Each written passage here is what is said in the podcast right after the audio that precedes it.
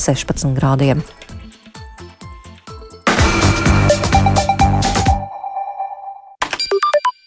Seniori, lai vasaras rostība turpinās. Šomēnes eiro aptiekā Hjerte Magnila trombožu profilaksei 2,99, ārstnieciskais plāksteris Nurofen pret sāpēm 7,69, bet tena stiloēta produktiem visu septembri 30% atlaide. Jūsu eiro aptieka. Zāļu nepamatota lietošana ir kaitīga veselībai. Pirms zāļu lietošanas uzmanīgi izlasiet lietošanas instrukciju vai atbilstošu informāciju uz iepakojuma. Konsultējieties ar ārstu vai farmaceitu par zāļu lietošanu. Reklāmdevējs tajā eiro aptieka. Sesdien, 12. septembrī, notiks politiskas organizācijas Nacionālā apvienība dibināšanas sapulce Rīgā, Tērbats ielas 85 pagalma dārzā. Tuvāk informācija mājaslapas www.na defise apvienība LV trešās nodaļas beigās. Draudzens man aicina pastaigā gar jūru, bet vai tur būs toaletes? Es varu nepaspēt aizskriet un visi sajutīs nepatīkamu aromātu. Māmu, tev noteikti jādodas. Uzvelc cenepens biksītes un neraizējies par urīna noplūdēm un nepatīkamo aromātu. Vai cik labi, ka ir tena biksītes! Uzsūcošās biksītes ļauj cilvēkiem būt aktīviem un dzīvespriecīgiem. Jautājiet Tenepens aptiekās www.tena.lv. Fakti, viedokļi, idejas. Raidījums Kruspunkta ar izpratni par būtisko. Studijā Mārija Ansona. Šodien turpinām diskutīt, diskutēt par valdības iecerēto nodokļu reformu. Šoreiz vairāk runāsim par to, kā plānotās iet, izmaiņas var ietekmēt nodarbinātību un kāda būs to sociālā ietekme. Valdība ir iecerējusi ieviest minimālo sociālo iemaksu katram strādājošajam neatkarīgi no iemaksas lieluma un paredzēts arī noteikti, ar laiku sociālās iemaksas būs jāmaksā no visiem ienākumiem.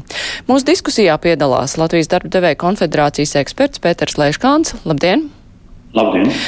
Arī Latvijas bankas ekonomists Kārlis Vilērts. Sveicināti! Labdien! Nodokļu konsultāciju biroja CBB valdes pārstāve Lienīta Cauna. Labdien! Un sociālo jautājumu eksperte Ruta Zilvera. Sveicināti! Vispirms tā tīri idejiski, tas, ka tiek mēģināts sakārtot dažādos nodokļu režīmos strādājošo sociālās iemaksas, tas ir labi vai nav vajadzīgs šobrīd Silvers kundze, kā jums šķiet? Es uzskatu, ka tas ir pareizs virziens. Nodokļu lielumam vai sociālās apdrošināšanas iemaksu lielumam būtu jābūt atkarīgām no nodarbinātības veida un nevis no tā, kādu cilvēks izvēlas nodarbinātības veidu vai nodokļu režīmu, bet kāds patiešām ir viņa darba raksturs. Tāpēc, ja darba raksturs ir līdzīgs, tad šiem nodarbinātības veidiem arī iemaksām sociālās apdrošināšanas būtu jābūt vienādām. Vilērta kungs. Nu, katrā ziņā tas ir solis pareizā virzienā. Man liekas, pandēmija diezgan labi ilustrē, ka eh, lielai daļai Latvijas eh, sabiedrības strādājošiem cilvēkiem sociālās aizsardzības tas spilvens ir relatīvi mazs. Ja. Un, um, es domāju, ka presē bija pietiekami daudz arī piemēru, ja, kas izskanēja, kur pabalsti vai nu nebija pieejami, vai bija tiešām ļoti, ļoti zemi. Un nonākot šādā situācijā, mēs kā tomēr labklājības valsts esam spiesti tāpat šiem cilvēkiem nodrošināt kaut kādu minimālo sociālās aizsardzības līmeni. Līdz ar to ir, ir atbalstām un nepieciešama virzība uz to, lai, lai, tas, lai šādas situācijas neatkārtotos un tas sociālais aizsardzības tīkls būtu pietiekams visiem strādājošiem, ja, un arī strādājošie attiecīgi piedalītos šī tīkla finansēšanā. Laiškalnkungs. Nu, sociāla apdrošināšana ir viens no sociālās drošības sistēmas svarīgākajiem balstiem. Un, protams, ka šeit ir jābūt tā, ka tomēr katra persona, kura ir nodarbinātība, kura gūst no nodarbinātības ienākumus un kurai nav objektīvi iemesli, kādēļ tā nevar strādāt uz, uz pilnu darba slodzi, ir nepieciešams iemaksas, kas garantē vismaz noteiktu nu, to sociālo garantiju līmeni kaut kādā, nu, jo sociāla apdrošināšana jau ir priekš tam domāta, lai kaut kādā brīdī, kad ir kaut kas tāds, kas traucē gūt šos ienākumus, lai persona varētu saņemt adekvātu atbalstu. Protams, minimālās sociālās apdrošināšanas ieviešana nodrošina to, ka vismaz kaut kādā līmenī katrai personai nu, tajā riska iestāšanās gadījumā būs ienākumi.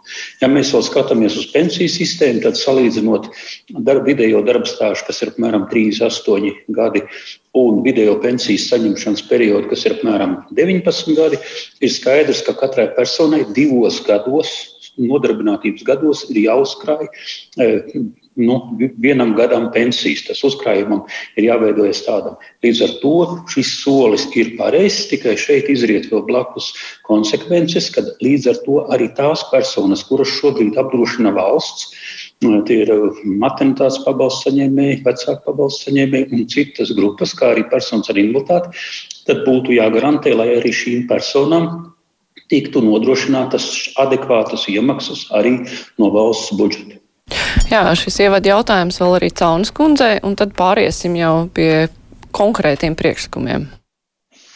Es gan piekrītu tam, ka solis pareizā virzienā, bet ne tagad. Mazliet tas ir nokavēts, tāpēc, ka ekonomika tiek novājināta un to, ko es redzu no saviem klientiem, nebūtu tas, ko jūs šobrīd ierakstīsiet jaunajā budžeta likumā, tiks pildīts. Mēs visi ļoti labi saprotam, ka tas skar šobrīd autora atlīdzību saņēmējs, mikro uzņēmumu nodokļu maksātājus. Un, vai jūs tiešām esat pārliecināti, ka tas, ko jūs šajā brīdī ierakstīsiet, es vairāk vēršos jā, ierēģu virzienā, vai jūs ierakstīsiet šobrīd likumā, tas tiks pildīts, jo mēs šobrīd runājam par tiem cilvēkiem, kas jau līdz šim ir mēģinājuši strādāt citos nodokļu režīmos, un būsim jau nu godīgi. Ja tas būs pārāk dārgi, uzspiežot šiem cilvēkiem, diez vai viņu likumu pildīs. Un uh, viņiem vajadzēs ēst tūlīt un tagad, un diez vai viņi domās par to, kas iestāsies vēl pēc diviem, trīs, četriem gadiem. Ja, ja būtu mēs ietu ekonomikā faktiski uz augšu, mums būtu viss kārtībā, es neko neteiktu, tas būtu laicīgi, jo, nu, izlasot informatīvo ziņojumu, man rodās tikai viens jautājums: kāpēc šobrīd? mēs to darām. Nu jā, tad papildi jautājums Vilerta kungam, kā jums šķiet, vai šis ir labs laiks eh, šādām pārmaiņām? Turklāt, nu, nevarētu teikt, ka tās būtu ļoti pamatīgi izdiskutēts, jo gada sākumā valdība teica, ka būs nodokļu reforma, un tagad mēs redzam jau nu, tādas diezgan nopietnas piedāvājumu, turklāt laika ziņā ļoti strauju ieviešamu. Uh, jā, par to laiku, protams, var diskutēt. Ja? Mēs skatāmies tomēr uz to, to piedāvājumu kā, kā kompleksu pasākumu kopumu. No vienas puses, mēs redzam, ka vispārējā nodokļu maksāšanas kārtībā tas darbspēka nodokļu sloks uh, nu, tiek samazināts, lai gan nelielā apmērā. Ja? Viņš tiek samazināts līdz ar to um, vismaz idejiski um, nodarbināt darbinieku vispār režīmā kļūst lētāk. Ja. No otras puses, uh, atļauties to darīt tikai uz deficīta rēķina mēs nevaram, līdz ar to ir jāmeklē arī kompensējuši pasākumi. Un, protams, te parādās tas jautājums par, par, par alternatīviem re, režīmiem. Ja? Tas vienas puses mēs redzējām, ka uh, jau iepriekš, ko visi runātāji minēja, ka tas sociālās aizsardzības nodrošinājums uh, strādājošiem šajos režīmos ir relatīvi mazs. Uh, tas, principā, atspoguļojās arī zemākā nodokļu slogā šajos režīmos. Ja. Un, um, diemžēl eksistē gadījumi, ka, ka šie zema nodokļu režīmi tiek izmantoti kā uh, likumisks veids maksāt mazāk nodokļus par saimnieciskās darbības veikšanu nekā vispārējā režīmā. Līdz ar to uh, radās tāda situācija, ka dažkārt uzņēmumi vispārējā režīmā konkurē ar šiem, uz, vai vismaz daļēji, citiem uzņēmumiem, kas savus darbiniekus nodarbina uh, alternatīvos nodokļu maksāšanas režīmos, līdz ar to konkurētspējā zaudē šiem uzņēmumiem. Līdz ar to uh, var teikt, ka uh, jā, šobrīd varbūt nav īstais brīdis uh, vai labākais brīdis ierobežot alternatīvo režīmu pievilcību, bet tajā pašā laikā tas vismaz kaut kādā ziņā atvieglos tos konkurences apstākļus standarta režīmā strādājošiem. Zilvers kundze, jūs gribējāt papildināt? Jā, es gribēju papildināt, ka mums diskusija laikam aizgāja no jautājuma par to, vai ir eh, pareizi izlīdzināt dažādus nodokļu režīmus eh, vienādos apstākļos strādājošiem uz to, vai ir pareizi ieviest minimumu. Es domāju, ka arī jānodala jautājums par to, kad mēs to ieviešam. Un šajā ziņā es gan piekrītu, ka šis nav īstais laiks, lai strauji izlīdzinātu nodokļu režīmus. Režīmus vajag izlīdzināt, tas ir pareizs virziens, to vajag darīt pakāpeniski, labi izdiskutējot. un, un, un nemēģināt ar kaut kādu milzīgu hopu sagraut eh, kādu nozari. To visu var darīt lēnām un pakāpeniski, bet virziens kā tāds, es pilnīgi piekrītu. Pareizs virziens nodokļu režīmu izlīdzināšana, bet ne, bet, bet ne minimums. Tas ir cits stāsts. Jā, bet uh, par minimumu mums ir jārunā atsevišķi, jo tā ir lieta, kas ir ļoti satraukusi daudzus uh, strādājošos, kur ienākumi ir neregulāri un kur ienākumi ir nelieli. Mums ir, uh, mums atsūtīja vēstuli gan zemnieku saimniecībā strādājošu kundzi, kurai ir neliela saimniecība, bet viņiem tie vidēji ienākumi neatļauj samaksāt minimālo sociālo iemaksu. Tāpat arī vēstuli ir atsūtījusi kundze, kura nu, pārdod savus ražojumus internetā, kas arī nav vienkārši, jo tur no tā izstrādājuma cenas kaut ko paņem gan procentu no pārdotā cenas, gan arī valūtas konvertācija kaut ko prasa, un tur peļņas ir pietiekoši maza. Un tad uh, rezultātā arī ir jautājums, vai vispār varēs uh, sadabūt tik daudz naudas, lai samaksātu to minimālo iemaksu. Un viņas uh, secinājums ir tāds, ka pirmkārt jaunie uzņēmumi, mazie uzņēmumi Latvijā neveidosies, un arī esošajiem nāksies vērties ciet, jo viņi vienkārši nevarēs atļauties iekrāt sociālā nodokļu parādu. Tad kā raudzīties uz uh, tiem cilvēkiem, kuri, kuru ienākumi ir neregulāri un pietiekoši mazi? Leškalkundze, jūs minējāt objektīvus iemeslus, kāpēc nevar strādāt uz pilnu slodzi. Tās, tie cilvēki, kas mums ir atrakstījuši, viņiem ir objektīvi iemesli, kāpēc viņi nevar strādāt uz pilnu slodzi. Es gribu teikt par to pakāpeniskumu. Mums ir jau tā mm, 2015. gada novembrī tika pieņemts likums, kurš bija paredzēts, ka sāks strādāt ar 17. gada janvāru. Turklāt 17. gada janvārī bija paredzēts, ka būs jāiemaksā 75% no minimālās algas no tāda objekta. Līdz ar to tas ir tas moments. Ja mēs skatāmies uz šeit minētajiem piemēriem, e, jautājums ir tomēr, ka e, tai, nu, tam, ar ko cilvēks nodarbojās, jābūt pietiekami augstai pievienotai vērtībai, lai viņš varētu uzturēt sevi savus tuviniekus, kas ir viņa apgādībā. Bet tad un... viņš cilvēks nevar piepelnīties, piemēram, sieviete, kas audzina bērnus un grib kaut ko mazliet piepelnīt, vai viņas darbošanās eh, ļoti izkropļo tirgu, vai kā to saprast? Nē, tā problēma ir tā, ka, protams, ja mēs Kaut vai tikai atveram vaļā to pašu 15. Um, gada novembrī pieņemto likumu, tur bija īpaši norādīts kategorijas, un, ja nemaldos, tur bija 12 kategorijas konkrēti, kur bija objektīvi iemesli, kādēļ persona nevar būt pietiekams ienākumus, bet arī tas mums jāsaprot, ka tas var būt tāds kā pagaidu stāvoklis. Kopumā mūža garumā, tajos 38, vidēji 38 stāžu gados, kas nu, drīz būs 40, ņemot vērā pensijas vecuma paaugstināšanos, tad tomēr ir jāsakrāj pietiekams nu, atspējas vecumdienām. Tas ir nu, neizbēgamais jautājums.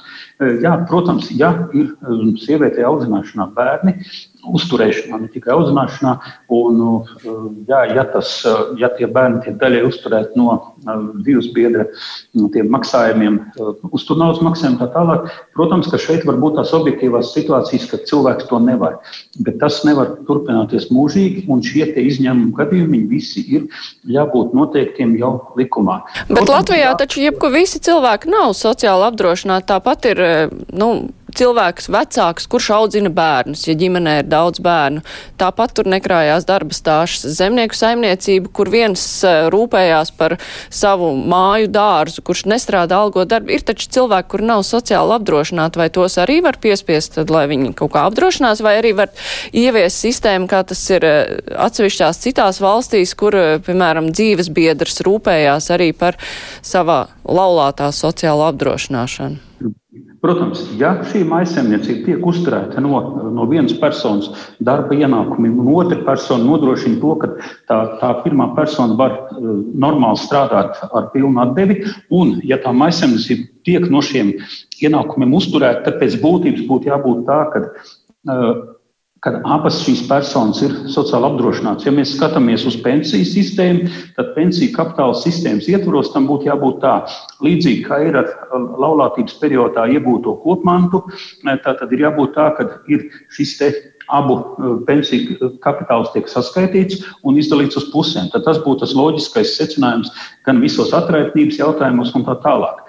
Protams, arī šai gadījumā nu, nevar tā būt, ka nu, parasti visbiežāk tās tomēr ir sievietes, kas ir palikušas mājās. Eh, un nodrošinājušas, lai tas eh, laulātais varētu ar pilnu atdevi strādāt tirgu, lai varētu nodrošināt maisaimniecību, tos bērnus ar nepieciešamiem izcības līdzekļiem, un pēc tam pienāk pensijas vecums. Izrādās, ka vai nu laulātais ir miris vai, vai aizgājis citā laulībā, eh, un, un, un tad šī sieviete paliek bez sociālā Eh, sociālās apdrošināšanas sistēmas atbalstu, un viņai tad pienākās tikai sociālās drošības sistēmas, nu, tie nodrošinājumi pabalsti no valsts puses, kas ir tām personām, kurām nav pietiekams eh, darba apdrošināšanas stāsts.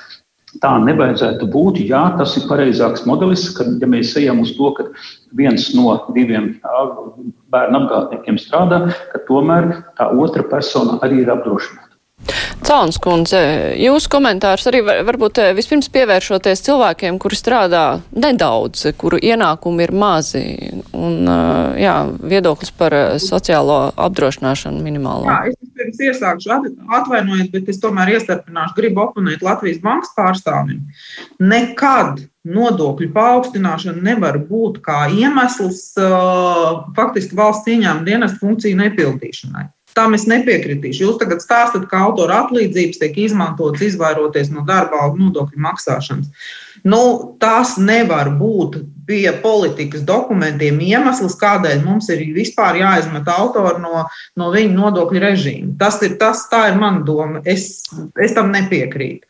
Un par tiem maziem ienākumiem es jau sākumā teicu, es domāju, ka mēs ar šo te ar šo lēmumu varam pazaudēt vispār sociālās iemaksas no šiem cilvēkiem, jo viņiem būs primārais nodrošināt savu ģimeni. Viņiem būs pilnīgi vienalga. Viņi ļoti labi redzēja, kas notika pirmās pandēmijas laikā, kad vajadzēja, nezinu, mēnešiem ilgi gaidīt, vai tev apstiprinās vai neapstiprinās to pašu minimālo pabalstu. Šobrīd būs tas, kad ķersies pie jebkuriem darbiem darīs jebko, un man vajag tūlīt un šodien pabarot bērnus, nevis pēc 3, pēc 4 gadiem. Pie kam jautājums arī Latvijas bankai, zinot to, ka mums ir šobrīd uh, drukāšanas mašīna ieslēgta uz pilnu klapu, jautājums ir par to, kad mēs šīs sekas uh, reāli redzēsim. Un tad jautājums būs, kā tad mēs stāstīsim saviem cilvēkiem par to, par uzkrāšanu, par šo te visu fantastisko, fantastisko lietu, kas ir ierakstīta ekonomikas grāmatās. Es uzskatu, ka šobrīd mums ir bija jāiet kardinālu ceļu, kardinālāk jāsamazina darba devējiem nodokļi, neaiztiekot pagaidām šo te es visu saprotu, bet vajadzēja sākt vispār no nodokļu nemaksātājiem. Jo mums ir diezgan viņi simtos tūkstoši, kas vispār nemaksā un piedāvāt viņiem labprātīgi. Tā kā tas bija sākumā, iemaksāt kaut kādu sociālu apdrošināšanu, lai viņš zinātu, viņ, ko, ko viņš grib un ko viņš negrib nodrošināt. Šobrīd, kad ir faktiski vesels nozares stāv uz likvidācijas, sliekšņu runāt par kaut kādām augstām matērijām, nu, ziniet, man, man īsti būtu nērti arī no savu kolēģu vidus. Viņi teica, ka nu, viņi vienkārši ir mazliet lielā šokā izlasot šo informatīvo ziņojumu. Zilvers kundze. Es gribu nodalīt savā runā tomēr jautājumu par minimālām iemaksām. Tas, ko es teicu, ka es atbalstu virzību uz vienādu nodokļu režīmu cilvēkiem, kuri, kuru ienākumi ir gūti līdzīgos darba veidos. Bet attiecībā uz minimālām man ir iebilduma vesela rinda, sākot no iebildumiem par nodokļu regresivitāti, par jautājumu par ietekmi, šo izmaiņu ietekmi uz Latvijas darba tirgu, gan piedāvājuma, gan pieprasījuma sadaļā, gan uh, iebildumi no sociālās apdrošināšanas principu neievērošanas, gan iebildumi par administrēšanu. Tā kā, man ir ļoti, ļoti daudz iebildumu pret šo režīmu. Es nezinu, ar kuriem sākt.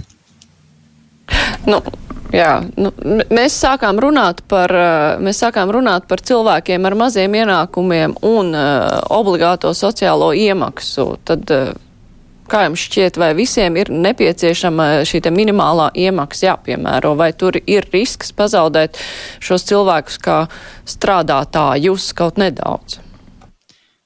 Jā, es gribētu, tad, ja man šīs idejas autori atbildētu uz jautājumu, kāds ir šīs minimālās iemaksas mērķis. Es, piemēram, esmu Finanšu ministrijas priekšlikumā izlasījis, ka mērķis ir nodrošināt sociālās apdrošināšanas sistēmas ilgspēju. Tam es nespēju ticēt, jo par 1% tiek samazinātas sociālās apdrošināšanas iemaksas šobrīd. Pie tam netiek skaidrots, kurā no sociālās apdrošināšanas veidiem mums samazināsies izdevumi, vai arī mums ir pietiekami uzkrājumi pensiju līdzekļiem, lai mēs izturētu dažādas krīzes. Tātad īstais iemesls noteikti nav sociālās apdrošināšanas ilgspēja. Tad vēl runā, ka jebkuram vajadzētu maksāt iemaksas, bet tā mums arī ir šobrīd. Jebkurš darba nodarbināta persona maksā sociālās apdrošināšanas iemaksas, izņemot mazu grupiņu uh, pašnodarbināto, kuri ienākumi nepārsniedz 50 eiro gadā. Visi pārējie šobrīd iemaksas veids atbilstoši saviem ieņēmumiem, proporcionāli saviem ieņēmumiem. Trešais iemesls, ko es esmu dzirdējis, un ko es dzirdēju arī no Leiškāna kunga, ka mums vajadzētu nodrošināt caur sociālo apdrošināšanu minimālo sociālo aizsardzību. Pirmkārt, es gribētu dzirdēt atbildi uz jautājumu, kāpēc minimālā sociālā aizsardzība ir jānodrošina tikai un vienīgi caur sociālo apdrošināšanu. Un otrs jautājums būtu, ko vispār runātāji saprot ar minimālo sociālo aizsardzību. Tā kā es ilgus gadus jau strādāju šajā jomā, es to nevaru jums atbildēt. Kas ir minimālā sociālā aizsardzība? Vai kādam no klātesošiem ir skaidrs atbildes uz šiem jautājumiem? Lēškalnkungs. Nu, mēs varam teikt tā, ka, ja ir runa par to, ka uh, ir vai nu sociālās apdrošināšanas sistēma vai sociālās drošības sistēmas otrs, otrs tas pīlārs sociālā nodrošinājuma. Es jau, manuprāt, minēju to, ka ir tomēr ir, ja gadījumā nav pietiekams šīs apdrošināšanas līmenis, tad valsts stājās nu, vietā un veic iemaksas no pamata budžeta, kā sociālais, sociālā nu, nodrošinājuma pabalsti. Tāda tā sistēma ir. Tas, kas attiecās uz minimumu, šajā gadījumā, ja mēs skatāmies uz minimālo sociālo maksājumu, tad šeit ir domāts, ka ir šis minimālās sociālo garantiju līmenis, kas izriet no minimālās algas kas šobrīd ir 430 eiro. Tad, attiecīgi, kāda nu, tie apdrošināšanas pabalsti mums ir, kuram apdrošināšanas veidam, tad no tā izrietoši pretī ir vismaz šis maksājums, eh, kas ir, ja mēs skatāmies savukārt vispār uz minimālo ienākumu līmeni, tad mums ir valstī jau 13. un 14. gadā ir izstrādāta minimālā ienākuma līmeņa koncepcija, kas pagājušā gadā, ja nemaldos, augusta mēnesī ir skatīta valdībā un kuras ieviešanai bija nepieciešams šie 27 miljoni, kuru, kurus valdība tobrīd neatrada un paņēma no bezdarba apdrošināšanas un ielika tikai tos 10 miljonus. Tas ir tas moments, kad katram ir pēc šīs minimālā ienākuma līmeņa koncepcijas, katrai personai ir, nu, lai būtu tas vismaz 20% no ienākumu mediānas eh, Latvijas republikā tātad, uz eh, ģimenes locekli. Tātad šie ir 20%, un ja ir mazāk kā 20%, tad seko valsts intervences, kad valsts iejaucās ar saviem maksājumiem. Un tad otrs līmenis, kas, protams, mums ir Latvijā ļoti zems, tas ir garantētā minimāla ienākuma līmenis, kas, protams, šobrīd ir pārāk zems. Jā, protams. Jā, bet tajā pašā laikā šis minimālais ienākums, lai kāds tas būtu, tas tāpat nesasniegs šo minimālo algu. Un tad cilvēkam, kurš gribēs kaut ko piepelnīt, nu, viņam eh, beigās tāpat būs jārēķina, nu, nu, nu viņš nevarēs samaksāt šo minimālo uh, sociālo nodokli. Nu, tur sanāk tāda, tā kā, tāds uh, aburtais loks. Nē, nu, protams, bet tad vienmēr man tomēr ir tas jautājums no kā šis cilvēks dzīvo, gūstot darba ienākumus. Ja? No kā viņš dzīvo? Ja viņam nav šo ienākumu, un ja uzrādās, ka ir, nu, kā šeit ir tā robeža šķirtne, gadā vismaz 50 eiro jābūt šim. Te, nu. Nu, labi, nē, es, es par piemēriem, tāpēc, ka klausītājiem ir daudz vieglāk saprast, ja mēs runājam ar konkrētiem piemēriem. Klausītāji ir uzrakstījis meita 18 gadus veca, vēl mācās pāris gadus, ir autora atlīdzības saņēmējs, jo raksta rakstu žurnālam, katru mēnesi saņem nepilnus 100 eiro vai pēc jauniem noteikumiem viņai reāli būs jāpiemaksā, lai turpinātu savus izpausmes. Viņa mamma uztur acīm redzot, nu, vecāki. Tas nozīmē, ka meita, lai strādātu, nopelnītu savus 100 eiro, tad pārējā ģimene viņai samaksās to sociālo nodokli. Tā tas ir. Pateikt, ka eh, jau iepriekšējā likumā šī grupa personas līdz 24 gadu vecuma sasniegšanai eh, ir bija ierakstīta kā izņēmuma, kā viena no izņēmumiem. Nu, labi, nevis meita, nevis meita, bet sieva vīram. Tātad vīrs maksās par viņu. Vienalga, ja persona mācās līdz 24, un mēs darbdevēja konfederācija vēl rosinājām, lai šis vecums ņemot vērā, ka medicīnas studijas ir ilgākas, lai viņš tiktu pagarināts, tam toreiz valdība nepiekrīt, bet principā, protams, ja persona mācās, tad viņai ir objektīvs iemesls. Nē, nu, labi, ja persona nemācās, vienkārši raksta rakstu žurnālam, un vīrs viņu uztur, piemēram. Jā Ja raksta rakstus žurnālam un vīrs uztur, tad būs tas jautājums, vai tas vīrs būs tajā pašā pozīcijā pēc tam, kad šī persona ir pensijā. Mm -hmm. Labi, sapratām.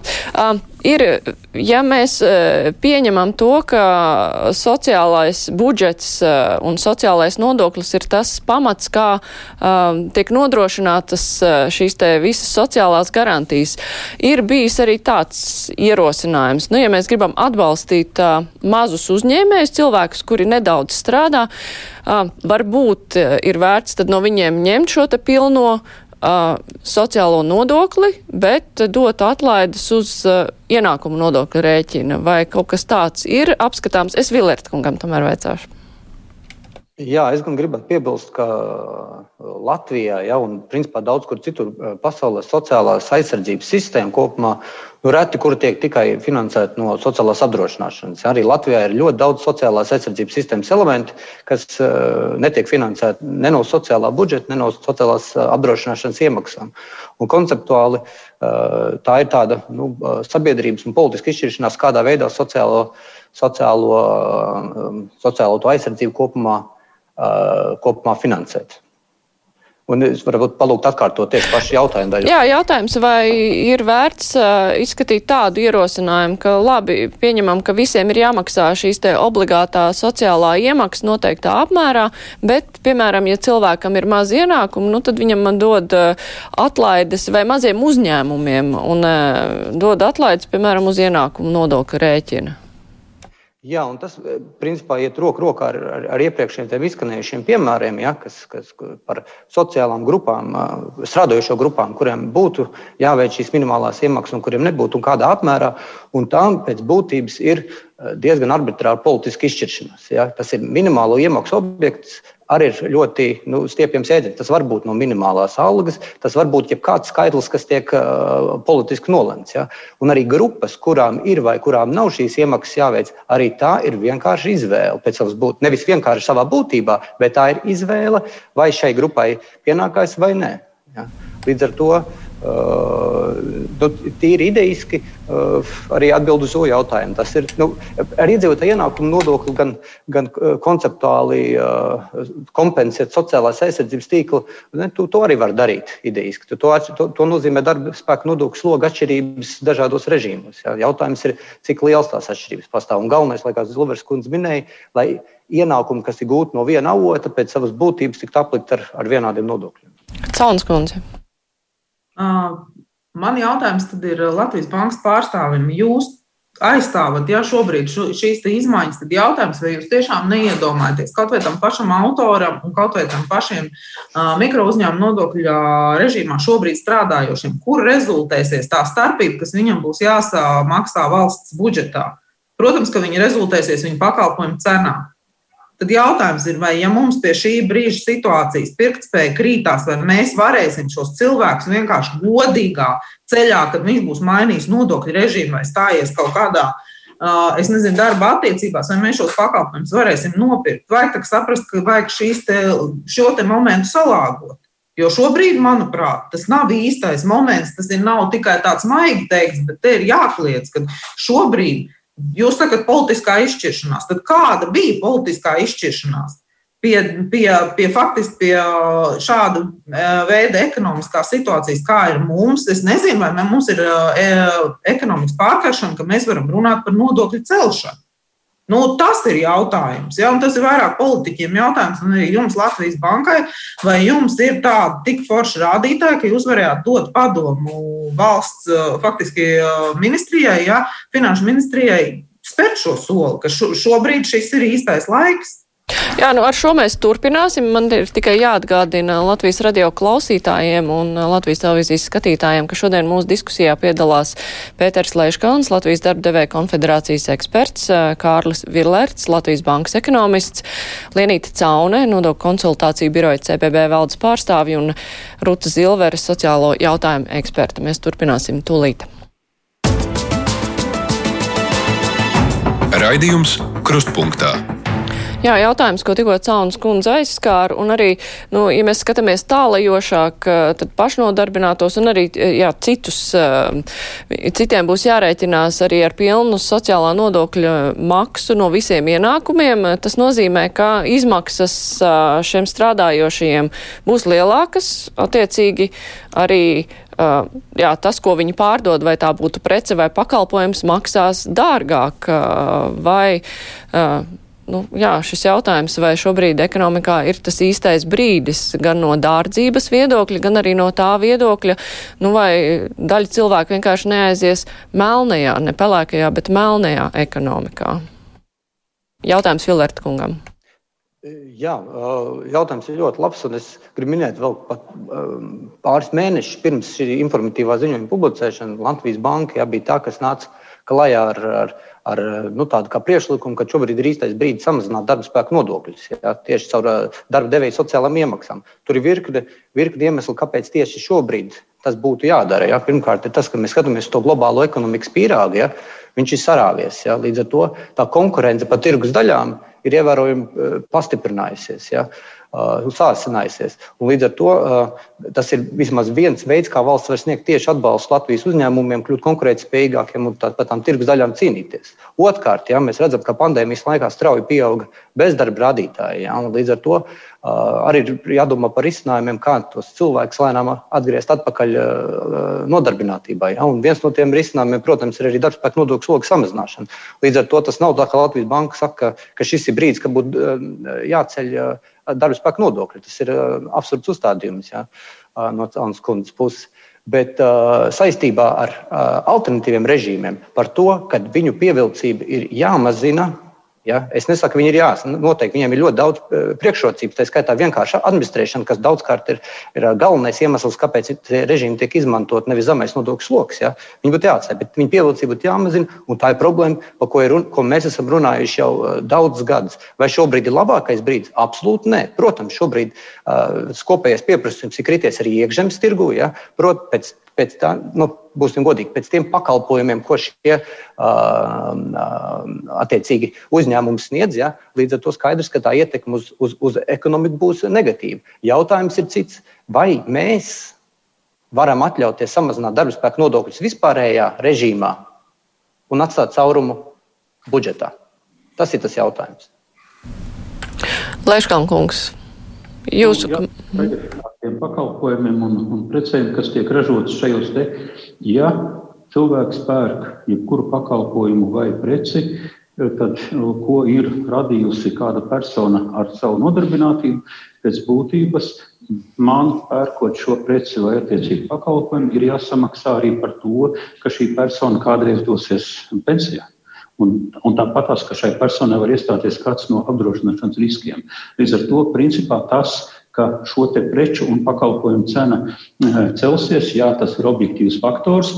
Un, un, un tā tad patiesībā nu, kādam par to ir jāsamaksā. Jo, jo nu, nevar visu uzņemties tikai nu, citi nodokļu maksātāji. Principā tam pakalpojumam ir jāmaksā tik, cik viņš maksā ar visiem normāliem darba nodokļiem. Ja par Par to laiku mēs varam izšķirties, bet, ja mēs skatāmies, jūs minējāt pirmie par to iedzīvotāju ienākumu nodokli, jāteic, ka ir, kad zemo, zemā atalgojuma sektoros šobrīd ienākumu nodokli personas nemaksā. Līdz ar to no, no turienes nav kur pārspēlēt vairs. Tāpēc, ka mums šī iedzīvotāja ienākuma nodoklis ir sevišķi, nu, sevišķi postoša ietekme viņam ir uz ekonomikas izaugsmi, jo šis diferencētais neapliekamais viņš tieši veicina zemo algu, lētā darba spēka zemo algu un aploksņa algu ekonomiku un kavē pāri uz augstākas pievienotās vērtības un augstāku atalgojumu ekonomiku. Nu jā, par ienākumu nodokli tā tas tiešām ir, ka ir kaut vai atlaižu dēļ mazo algu saņēmēji nemaksā to pilnā apmērā. Tajā pašā laikā es minēju arī melno ekonomiku, pat ne palēko, bet melno ekonomiku, ja kaut kāda daļa cilvēku arī, kas mums raksta, kuri saņem šos te mazos ienākumus, nu, ja viņi to sāks darīt, piemēram, nelegāli. Viņiem tāpat tā pensija nekrāsies. Vai jūs neredzat risku, ka cilvēki nevarot samaksāt uh, lielo sociālo nodokli, nu viņi vienkārši aizies pagrīdē? Un tāpat nebūs sociāli nodrošināti vecumdienās, būs vēl mazāk nekā, ja viņi būtu kaut ko maksājuši. Nē, nu, šajā gadījumā, protams, ir tas jautājums par to, eh, kas tad nofinansē šo sociālo drošību šīm personām.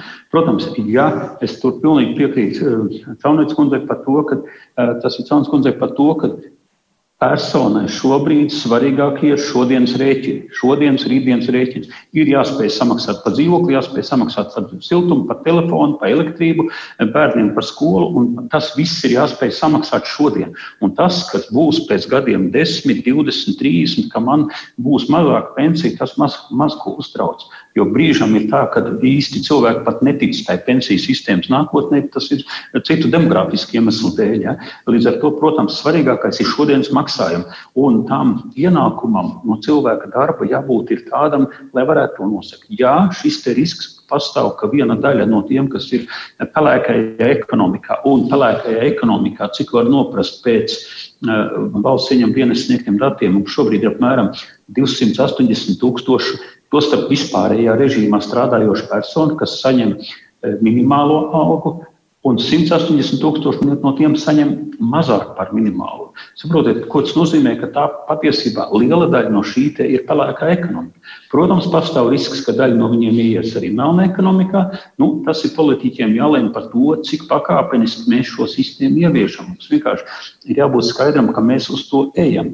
Vai ar to var nākamā gada budžeta izbalansēt to, ka mēs samazināsim par 1% punktu eh, šo te sociālo iemaksu obligāto? Nu, tas ir labs jautājums, vai tas ir vērts to šobrīd darīt, jo vai tur nav tomēr jāpārskata šī diferencētā neapliekamā minimuma sistēma, kas tieši kavē normālu algu maksāšanu.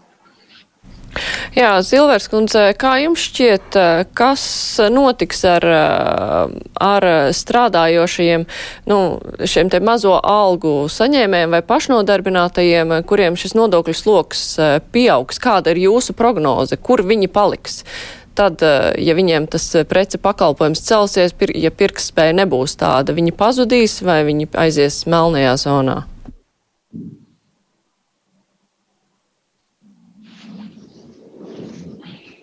Darba Tā. tirgu. Mhm. Darba tirgu faktiski kas notiks attiecībā nevis uz pašnodarbinātiem, bet uz darbiniekiem, kuri strādā nepilnu slodzi. Šis pasākums ar minimālajām iemaksām izspiedīs no darba tirgus zemu apmaksātās, maz kvalificētās darba vietas ar nelielu atalgojumu. Tas nozīmē, ka darba tirgu nebūs darba vietu, kuras ļoti bieži tiek izmantotas laukos un dažās specifiskās nozarēs, kā piemēram veselības aprūpē, kā piemēram sociālajā aprūpē, kur ir daudz cilvēku ar ļoti zemu atalgojumu. Ja daļa no šiem cilvēkiem gribētu strādāt uz pusslodzi, kur ir vesela rinda iemeslu, tad faktiski viņiem šāda piedāvājuma darba tirgū nebūs. Tas ir viens, kas man liekas, ir svarīgi saprast. Otrs ir jautājums. Tā ir ilūzija par invalīdiem. Es runāšu tikai par invalīdiem, bet tur ir dažādas grupas.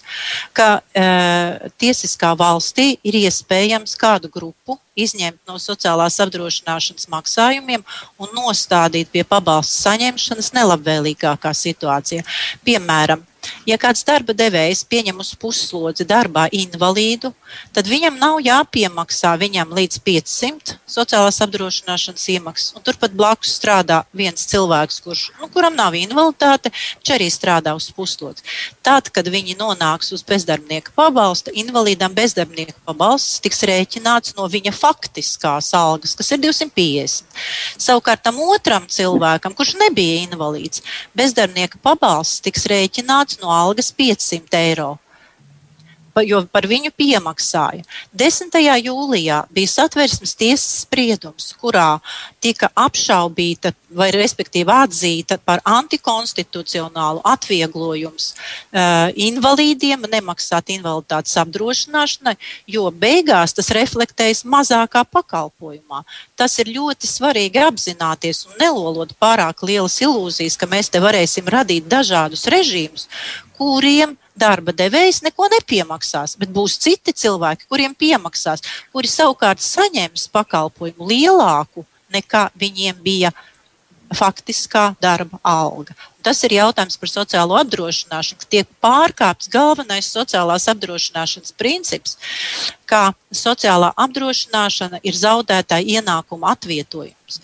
Ja cilvēkam ir bijusi ļoti maza alga, viņš neko nav zaudējis, viņš ir zaudējis ļoti maz un ir pilnīgi nepamatot viņam atlīdzināt zaudējumu no ienākuma kuru viņš nekad nesaņēma strādājot. Nu, paņemiet strādājošu, viņš saņem 250, viņš saslims, viņam iemaksas būs maksātas no 500, viņš saņems katru mēnesi 400. Viņam taču nav nekādas motivācijas vispār atgriezties darba tirgū.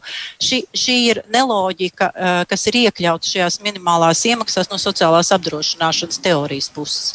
Paldies! Mhm. Nu, attiecībā uz personām ar invaliditāti jau šobrīd mums ir diezgan problemātiska situācija. Ja persona ar invaliditāti nestrādā, tad valsts par viņu veids sociālās apdrošināšanas iemaksas pensiju apdrošināšanai no e, puses no um, ienākuma mediānas valstī. Tātad, ja, e, apmēram, manuprāt, tas ir viņiem, par viņiem valsts veids iemaksas apmēram no 450 eiro mēnesī priekšpensiju apdrošināšanas. Savukārt gadījumā, ja persona ar invaliditāti sāk strādāt, tad tajā brīdī viņai valsts vairs šīs iemaksas neveic. Un, ja tā persona ar invaliditāti saņem, piemēram, kaut vai nu, savu iespēju robežās strādājot, kaut vai nopelnot 100 eiro mēnesī, tad viņai iemaksas pensiju kapitālā samazinās 4,5 reizes, kas ir neloģiski.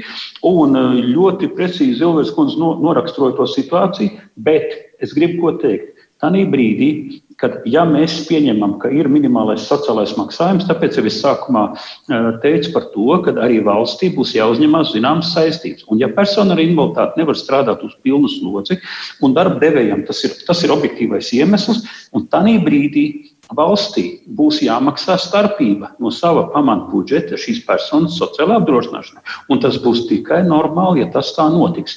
Pretējā gadījumā, protams, šī sistēma izslēgs no darba tirgus veselu virkni personu ar invaliditāti, kuras nevar strādāt uz pilnu slodzi objektīvu iemeslu dēļ.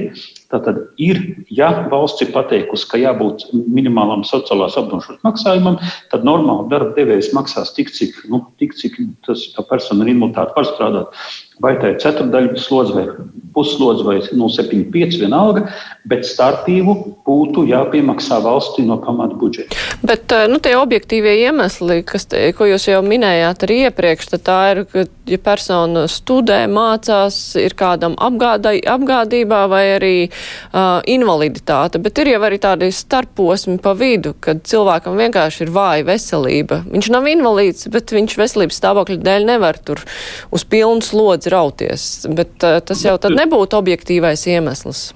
Nē, nē, redziet, tos objektīvos iemeslus mums ir tāda ministrija, laikam, ja viņi sauc Labklājības ministrija. Un, manuprāt, ka tur ir speciālisti, kuriem ir jāizvērtē visas šīs situācijas, kurās ir objektīvi iemesli. Un, ja es, ja es jau minēju, ka, manuprāt, iepriekšējā 15. gada novembra likumā bija iekšā apmēram 12 grupas. Tātad, protams, ir vecāki, kuru aprūpē ir bērni, kurā ir vairāki bērni aprūpē, tad, tad tur tā vecuma grupa tiek paaugstināta un tā tālāk. Par to visu ir Labklājības ministrijai jāsniedz savu priekšlikumu, kuras ir tās grupas, pa kurām kurām, kuras pašas nevar tātad, šo iemaksu un kuras iespējams arī nestrādā.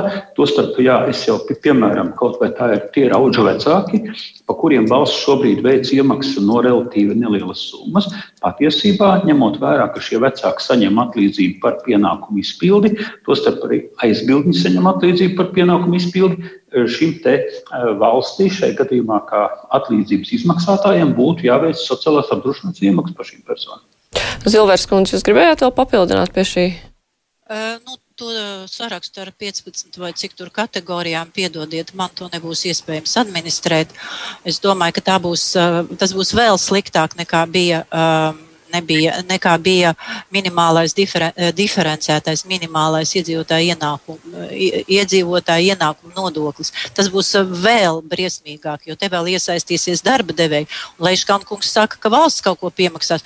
Nu, tas jau ir bijis cits stāsts. Jā, es neko neredzu tādu piedāvājumā, ka valsts maksā, veiks daļu minimālo sociālās apdrošināšanas iemaksu.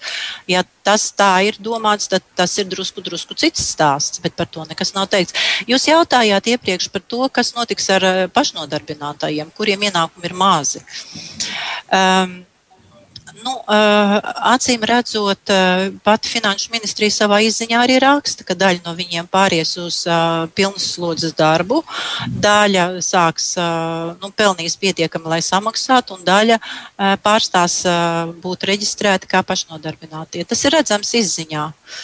Tā kā to var paskatīties. Vienīgais esmu drusku skeptiski par to novērtējumu, jo darba tirgus jau šobrīd nav diez cik silts, lai visi tā, kas gribētu ātri atrastu darbu. To pilnas slodzes darbu, jā, ka, jā, ka to tā jā. varēs arī izdarīt.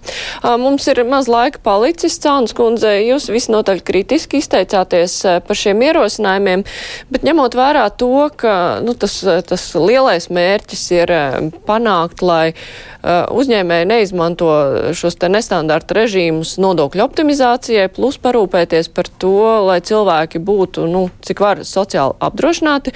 Nu, kāds var būt tas labais vidusceļš, kā ķerties pie šo te jautājumu risināšanas? Nu, Es jau sākumā teicu, ka nav īstais laiks, ir nokavēts. Ja par to vajadzēja runāt, tad vajadzēja runāt pirms pandēmijas un, un, un uh, izvērtēt.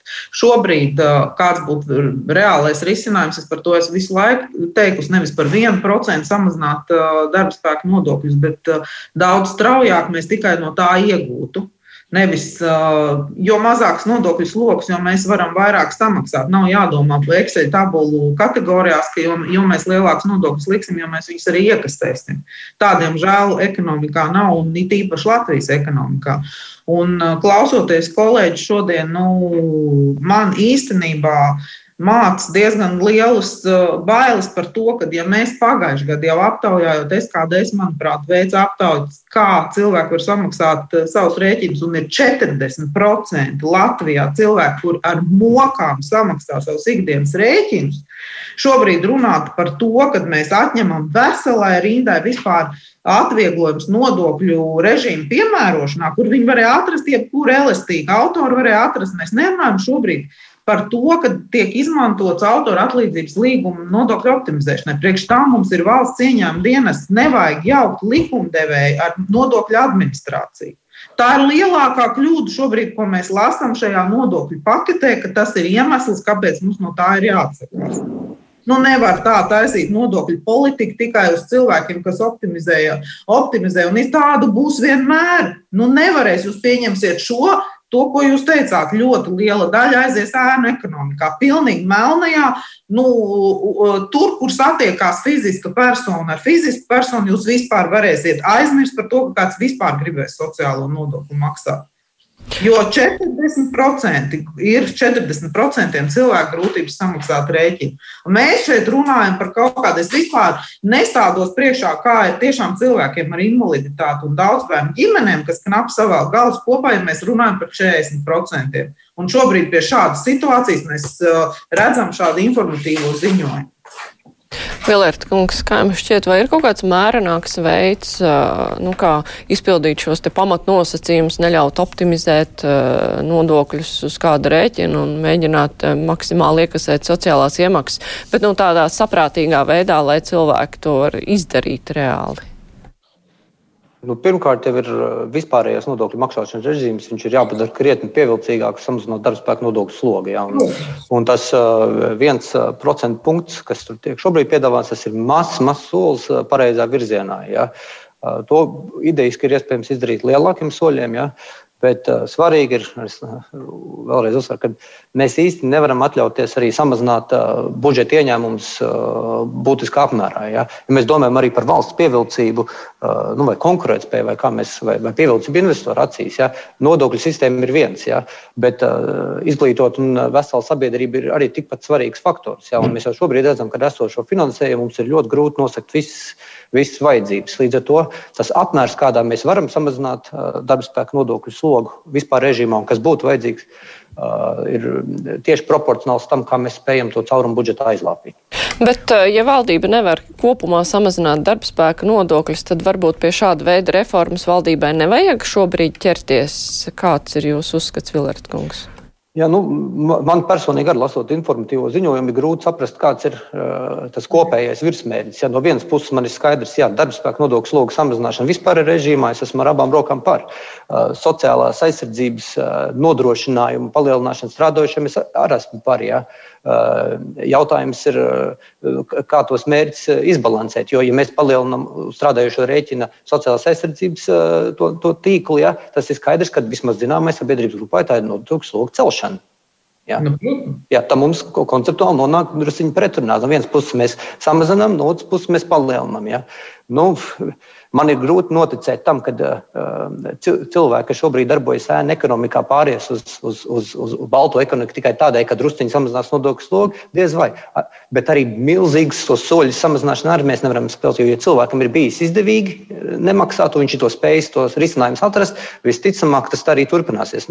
Nu, nodokļu slogu samazināt, ja, ja, nodokļi, ja nodokļi būtu nulle, ēna ekonomika neeksistētu vispār. Ja? Bet diez vai mēs tādā valstī vēlētos dzīvot.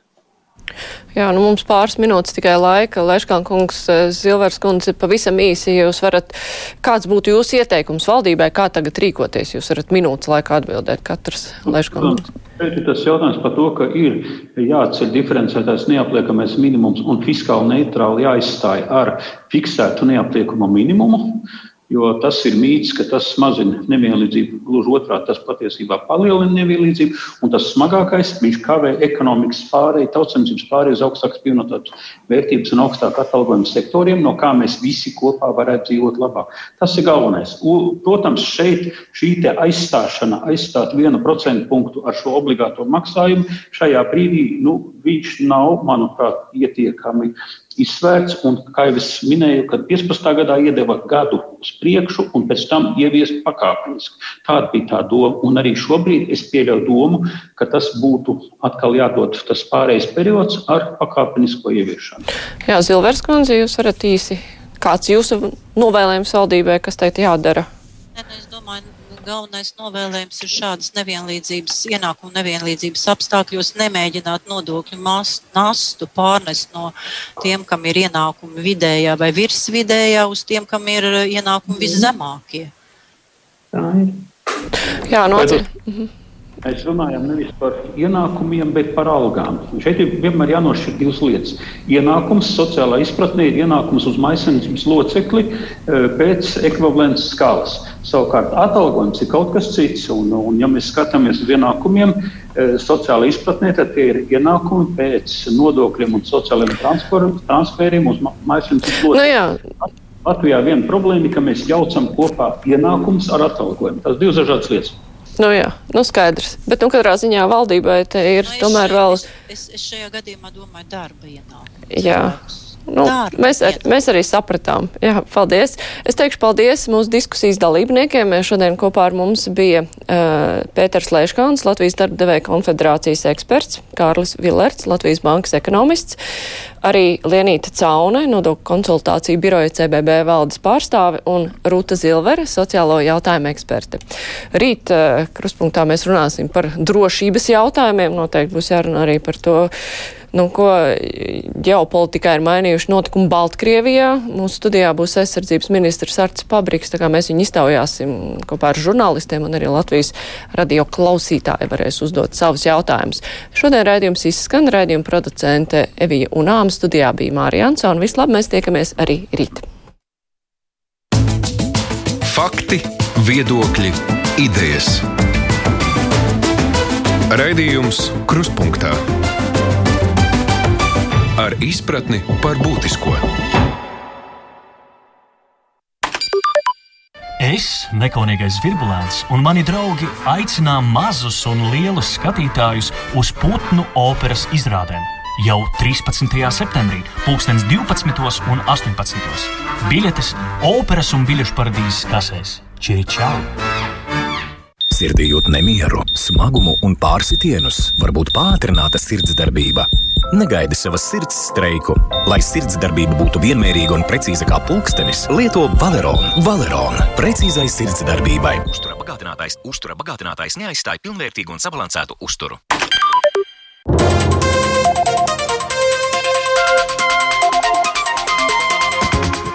Šķiroties, arvien vairāk tēvu pieprasa vienlīdzīgas bērnu aprūpas tiesības, vēloties būt ne tikai brīvdienu tēti, kā mainās situācija Latvijā. Ģimenes studijā izvaicāsim ekspertus un vecākus.